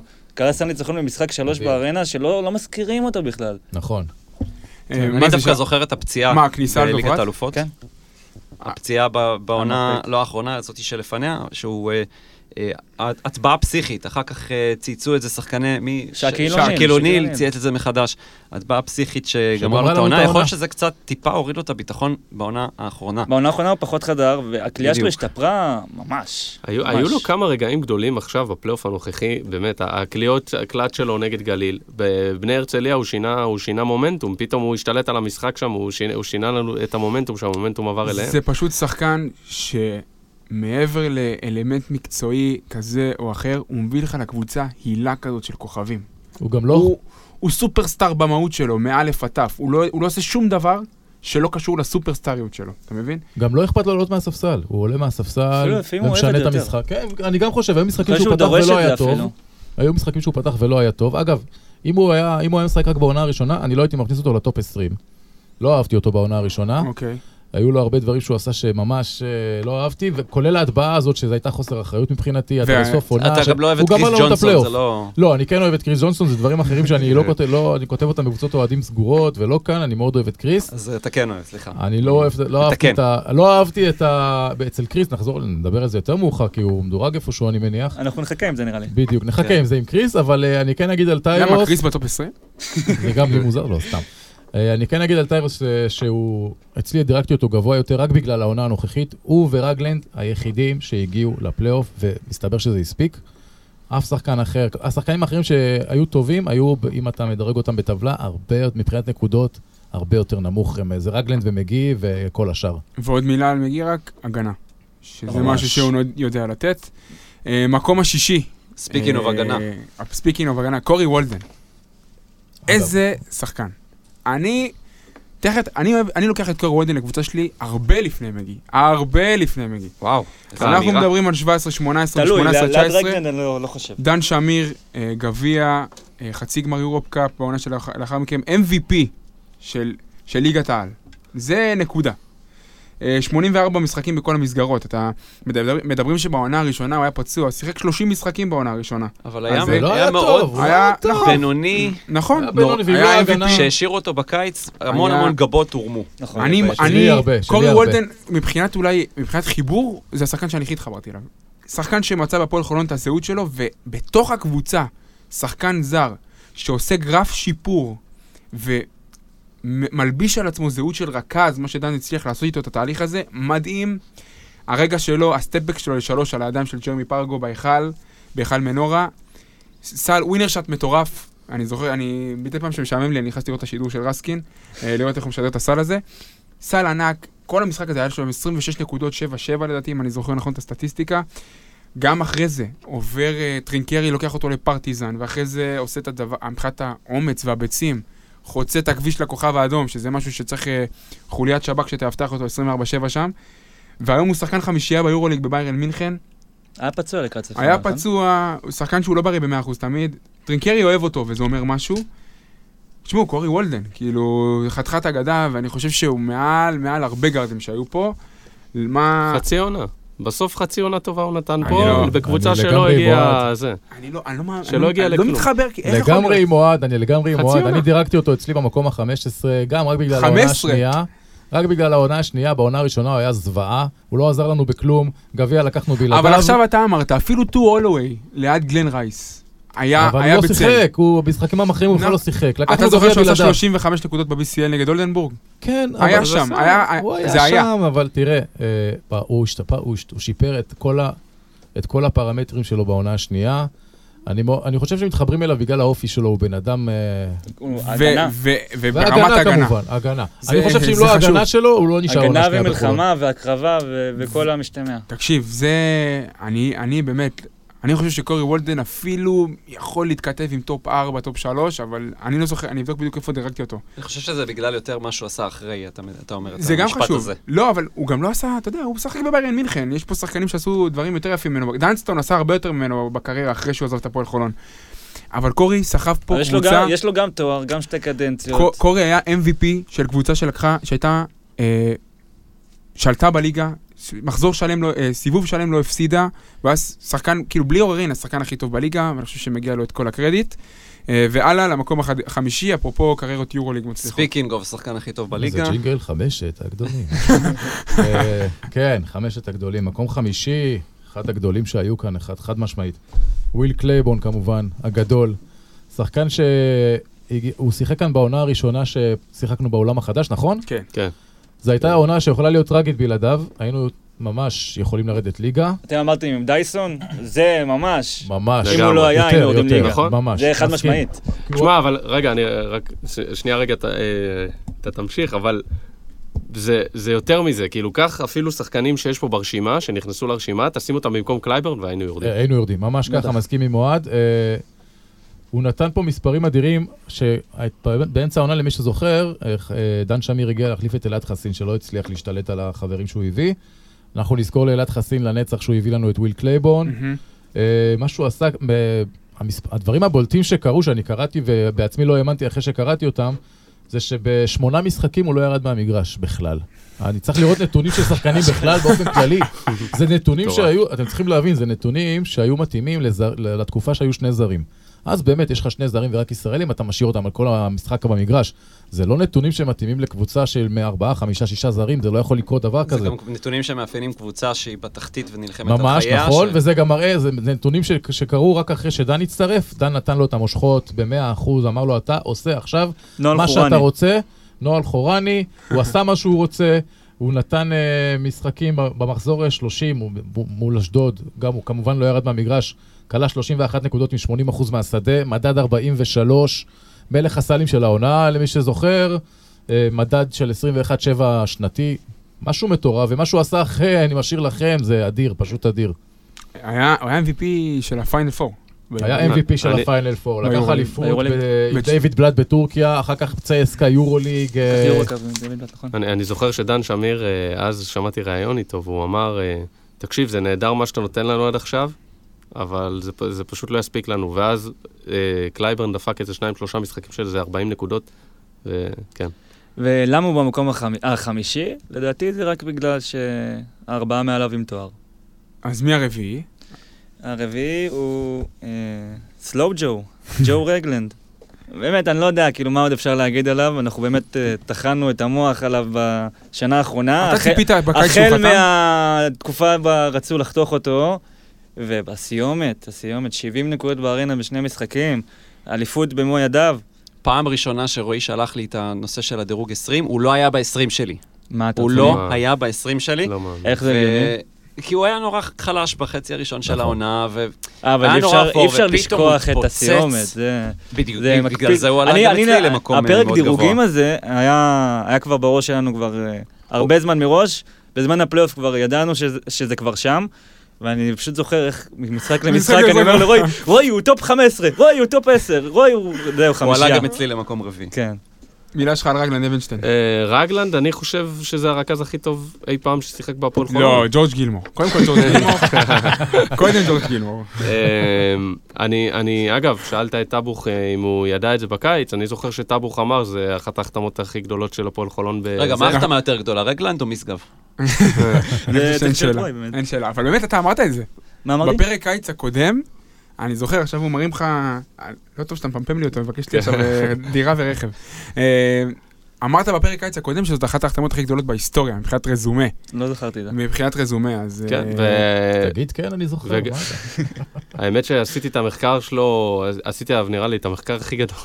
כן, אני זוכר את הטור. היה טור עם אה, עם סרטונים. דוגמאות של סרטונים וזה, אבל אני אוהב, הוא מנהל משחק באמת ברמה מטורפת, הוא גם חיית משחק, הוא חי את המשחק, הדברים שמספרים עליו מאחורי הקלעים, שהוא כל הזמן עם הסינרג'י, לדעתי הרכז הכי טוב שלנו בתולדות. ואולי... איי-קיו כדורסל, פשוט אדיר. אולי. אולי עוד שנה הדירוג הזה כבר לא יהיה לו רלוונטי והוא יעלה למקום יותר גבוה. חכה. אנחנו? מקווים. אני חושב ש... מקווים מאוד. back to back. לא יודע. אה, דרך אגב, יש פה מישהו שמתחרה איתו, שגם יכול... אה, נכון, אם שנה הבאה נכון עושים. משהו מתעדכן. אה, מקום השלישי, אדון אבנשטיין. אה, טוב, האמת שהמקום השלישי, אני, אני צריך להגיד את האמת שאני דירגתי אותו במקום הראשון, היחיד וואו. בפאנל. אז רגע, לפני שאתה אומר, אני זה. אגיד, ב- בטופ שלוש היה פה הכי הרבה שונות. כאילו, כל אחד דירג את הטופ שלוש שלו לא אחרת. נכון, חוץ מהמקום הראשון. כן, אז דבר. אז קריס ג'ונסון, קריס ג'ונסון, אה, מה, אני, אני לא צריך לה- להגיד עליו שום מילה, אה, אני, אני יכול להגיד סטטיסטיקה, 13 נקודות, כמעט 6 ריבאונד למשחק, סוחט אה, שלוש וחצי עבירות ומוסר אה, כדור המס- וחצי, המספרים אבל לא מדברים. עזבו את המספרים לא. באמת, אולר- אסף לא מציג אותו. אני לא אולר- איזה פרצופים אני יכול לשאול. אתכם שאלה? כן, אם לא ההגנה שלו, איזה מקום הוא בטופ 20? מה מה זה אם זה לא? חלק ממנו, מה? זה אם לא? זה חלק זה לא- ממנו. זה לא רק אם יש לו ההגנה, רגל זה- אחת, איזה זה זהו. ה- לא. החוש. החייתי שלו, כמו של אני- חיית טרף. אני אגיד לכם, אני דירקתי את קריס במקום השמיני שלי האישי, אתה הנחתת אותו למקום השלישי, אם לא במקום שני. אז אני אגיד לכם גם למה. אני מאוד לא אהבתי את את זה שהוא החליט פתאום שהוא גם ה- צריך להיות הקלעי הבכיר של הקבוצה. לא הכל הוא מחליט. האחוזים שלו ב- בשלושה חודשים האחרונים נכון. מהשלוש, פלייאוף האחרון. זה איזשהו צ'וקר, זה תפסתי את משהו הראש, אחר. אני זה זוכר. במשחקים בירושלים והרצליה, אני תופס את הראש ומתפלל. בבקשה, אין לי. בבקשה, אל תזרוק לשלוש, אל תזרוק מהפינה הזאת, אתה היית שם טוב שנה שעברה, עזוב אותה בשקט. לא, העונה אפילו היה יותר טוב, בפלייאוף פשוט. בהתחלה, אולי אני אני חושב כל שצריך עונה לתת... הוא מתחיל טוב בש- מחוץ לקשת, יש לו- והוא- יש לו כל בעיה עונה. מנטלית, אני גם חושב שעם הפציעות שלו זה גם תראו, חלק גם היה מנטלי. עוד- היה גם עוד נתון, בפלייאוף, היינו אה, בלי סטיב זק. והוא לקח את העמדה של קייזר, כשקייזר אה, הבינוני יצא החוצה, והוא היה פשוט מצוין בתור 4-5. נכון. הוא היה מצוין, הוא היה מתחת לסל, עשה שם, עשה שם את המוות ל... התנועה שלו ללא כדור, זה לא שהוא לא עכשיו גם מקבל... בהתקפה, גם בהתקפה הוא היה מצוין נכון, יותר, נכון. הוא היה הרבה יותר טוב מתחת לסל מאשר מהזריקות המטופשות שלו משלוש. אה, המינוס היחיד של קריס ג'ונסון, היחיד ברמות האלה. זה הצ'וקריות. כן, יש לו בעיה מנטלית. ל- ל- למה אתם לא מתייחסים לעובדה של איזה בן אדם זה בחדר בחדר הלבשה? זה נשמע אוקיי. שלילי, הבן אדם במקום השלישי, הוא באמת השחקן האהוב עליי ביותר בהפועל חולון, בתולדות הפועל חולון, בתולדות. הכדורסל, ואני רואה הרבה כדורסל, בחיים לא אהבתי ככה שחקן. אני- אני מביא אנשים לבוא ולראות איתי משחקים כדי לראות את ג'ונסון, כי אי אפשר לראות מקווה- בטלוויזיה מה שרואים על- אני- על- במגרש. אני מקווה שאוהדי ירושלים אולי בטעות מקשיבים לזה, שיבינו מה הם פספסו. את, אתם ראיתם פשוט. את... אה, אתם שמעתם מה ניב משגב אמר פה באולפן הזה. הוא אמר, אתם רואים איך ג'ונסון שו- שומר באימונים, לפעמים אנחנו אומרים לו תרגיע, וזה מדביק גם את כל האחרים. אז זה, זה ג'ונסון. אה, ג'ונסון זה הגנה, והוא גבוה בגלל ההגנה. ותנועה אבל גם, בכדור. אבל רועי, גם קורי וולדן גבוה בגלל ההגנה. אני לא שמתי אה, את וולדן גבוה, גם וולדן אצלי נמוך. אז אה, אני- אני שומר על עקביות בעניין הזה. הגנה זה ורגע, לחלשים. לג'ונסון, לג'ונסון הולך להיות פה לגאסי. נכון. עוד שנתיים. בטח. האליפות, אגב, לא פחות עליו. זה שהוא הדביק את כולם, זה שהוא הדבק, הוא הדבק אם הוא שלו. לא, יעשה אין פה ספק עוד שדברים. שקורים מאחורי הקלעים זה מאוד קשור לאליפות, לא רק אה, גרגלנד ומגי ו-30 נקודות אם הוא יעשה במשחק. פה עוד שנתיים, בוא נגיד שהוא הדווין סמית של הפועל חולון. הוא יעשה, הוא יעשה. בוא נו נתקדם. אה, טופ 2, במקום השני, דיונטה קריסמס. אה, סתם. במקום השני, טוב, כולם יודעים מי נשארו. נשאר פי.ג'יי טאקר ונשאר גלן רייס. נעשה את זה בש- מותח, מאוד תמשוך, בשקלול. של כולם, כן, באח הגדול מוציא- מוציאים לי פרסומות בכל כן. הדחה שלוש פעמים. אה, במקום השני, בשקלול יצא גלן רייס. הוא במקום השני, וזה פרק 41, ואולי בגלל שזה פרק 41 היינו צריכים לתת לו את האקסטרה הזה, לתת לו את המקום הראשון. לא. ואני יודע שעצם זה שהוא יהיה מקום שני פה, אולי יהיה 200 תגובות בפייסבוק אה, ובלאגנים. לא חושב. טיעונים אני לא- חזקים גם במקום באמת הראשון. אני ראשון לא חושב. המעריצים של חיים רוס. אני חושב. שגלן רייס זה שחקן שלא צריך להכביר עליו במילים, גביע שכתוב רק על שמו. אמרת אולווי, אה, יאללה, תהיה אבל- עקבי. אבל אתה, יש לך נטייה להתעלם מסלי ניצחון. סלי ניצחון לא מעניין אותך. לא של דיקסון, לא של טולבוט ולא של גלן. לא, גלן זה משהו אחר. אז הסל, אז העונה, דרך אגב, אה, כמה, כמה זמן אה, גלן רייס נח במשחק של הגביע? במשחק גמר. גם אזור עד חצי דקה, דקה גג. אני צריך להסתכל על זה. אה, גלן רייס, למה בעצם, במק... ולמה בעצם מקום שני? הוא השחקן כישרון- הכי מוכשר ששיחק בהפועל נטו חולון. התנהגות, אני חושב. מה שכל כל וההתנהגות שלו. בגלל- אני חושב שבגללו הפסדנו את הדאבל. אם לא המכה שלו לפניני וכל מה שקרה אחרי, היינו לוקחים דאבל בקלות אפילו. אה, זה לא בגלל פניני? לא- בקלות, לא אנחנו. מכבי פחדה מאיתנו, זה נכון. ואחרי שגלן עזב, מכבי הבינו שיש להם את האליפות, כי בלעדיו אנחנו קבוצה קצת אה, שונה. הביאו לו מחליף טוב. הביאו מחליף מצוין, אבל עדיין, גלן זה היה משהו שאתה נותן לו את הכדור, ואתה זז הצידה ואתה יודע שיהיה בסדר. אה, אבל זוכר- כ- כזאת התנהגות של שחקן לא ראיתי, שחקן לא, שמשחק משהו- כמו חלוץ, כמו- מסי הוא משחק, לא אני יורד יוצא להגנה. פה לקריאה לאיתן ולדבורה, תוציאו בבקשה את הספר עלילות גלן לא, רייס ג'וניור, אסור. תוציאו. אני חושב שעדיין אסור. אני צריך- חושב שזה כבר עבר צריך חוק מספיק זמן. התיישנות, כי אחרת יהיה אני בלאגן רק רוצה שלם. להיות משהו שמשטרת. ישראל תהיה מעורבת שם עם איזה כל מיני קטנועים כאלה ואחרים. השאלה מה יגיע קודם, החוק התיישנות, או שגלן רייס חס וחלילה יקרה לו משהו בקצב שהוא... זה שהוא חי זה נס. יש. פה שחקן אח- אחד ברשימה חוץ מגלן רייס, שאתם תפתחו את טלוויזיה לטורניר 3 על 3 בשבילו. בחיים לא. אני- אני ראיתי ליגה אוסטרלית בגללו, ראיתי... מה עוד? אם אם היה שידורים של הליגה הפלסטינית, גם הייתי רואה אותו לא, ב... באמת, הלגסי שלו זה- לא רק לאוהדי כדורסל ישראלי או אוהדי הפועל חולון, זה- זה חוצה כל גבולות הספורט. אני חושב שחוץ מהמקום הראשון, זה השחקן היחיד ברשימה שכמעט כל דבר שלו מוציא push בערוץ הספורט. נכון. כל... לגמרי, לא רק בערוץ הספורט, גם במדור פלילים בוויינט. כאילו- כאילו הוא משחק במכבי. הוא סוחט traffic לאתרי הספורט, כמה? שלוש, ארבע, חמש שנים אחרי שהוא הלך. אמ, זה משהו, זה. מבחינת אה, מבחינה מקצועית, כאילו גלן מסוגל לעשות סל ברמות האלה מתי שהוא רוצה. הקריירה שלו אחרי הפועל חולון, הפועל חולון זה המקום היחיד בקריירה שלו, שבו החזיק. הוא הצליח. דן שמיר. ודן וכל המערכת, לא רק, כל דיברנו על זה, המערכת. ממש דיברנו על זה החזיקו גם עם ניר אותו. אורון, ודיברנו עם כולם, כל לגמרי. המערכת זה... וכמה. משחקים היו לו? 29 הופעות בכל המסגרות, זה אולי בלי גביע, אז בין 30 ל-35 אתם זוכרים את ההופעה הראשונה שלו בטורקיה? כן. זה היה נגד אה, קרשיאקה, לא? הביאו אותו במקום איזה שחקן שטרוויק משהו. עד, טראובר. אגב, אני עד טעות. עכשיו, אני עד עכשיו טוען, יש לי קונספירציה שאף אחד עדיין לא אימת לי אותה, אבל לדעתי היא נכונה, שהיה פה קומבינה עם סוכן שאמר להם, קחו את הדבר הזה בתחילת העונה, חכו כמה מחזורים, אני אביא לכם משהו טוב. זאת, צריך לבדוק אם זה אותו סוכן היה להם. יש פתק החלפה על שחקנים משהו כזה, נראה לי שזה היה משהו מתוכנן. מה שהוא עשה בטורקיה, אנחנו לא הכרנו אותו כמובן, ואני רואה אותו בטלוויזיה, ואני מתחיל להתכתב עם חברים, תקשיבו, הבאנו זר זה היה בתקופות של. האפרו. של האפרו. אבל הכתובת הייתה על הקיר, עם כל מיני תקריות ירי ודברים כאלה. זה... אגב, אני חושב שהוא השתנה, צריך להחזיר אותו. יש.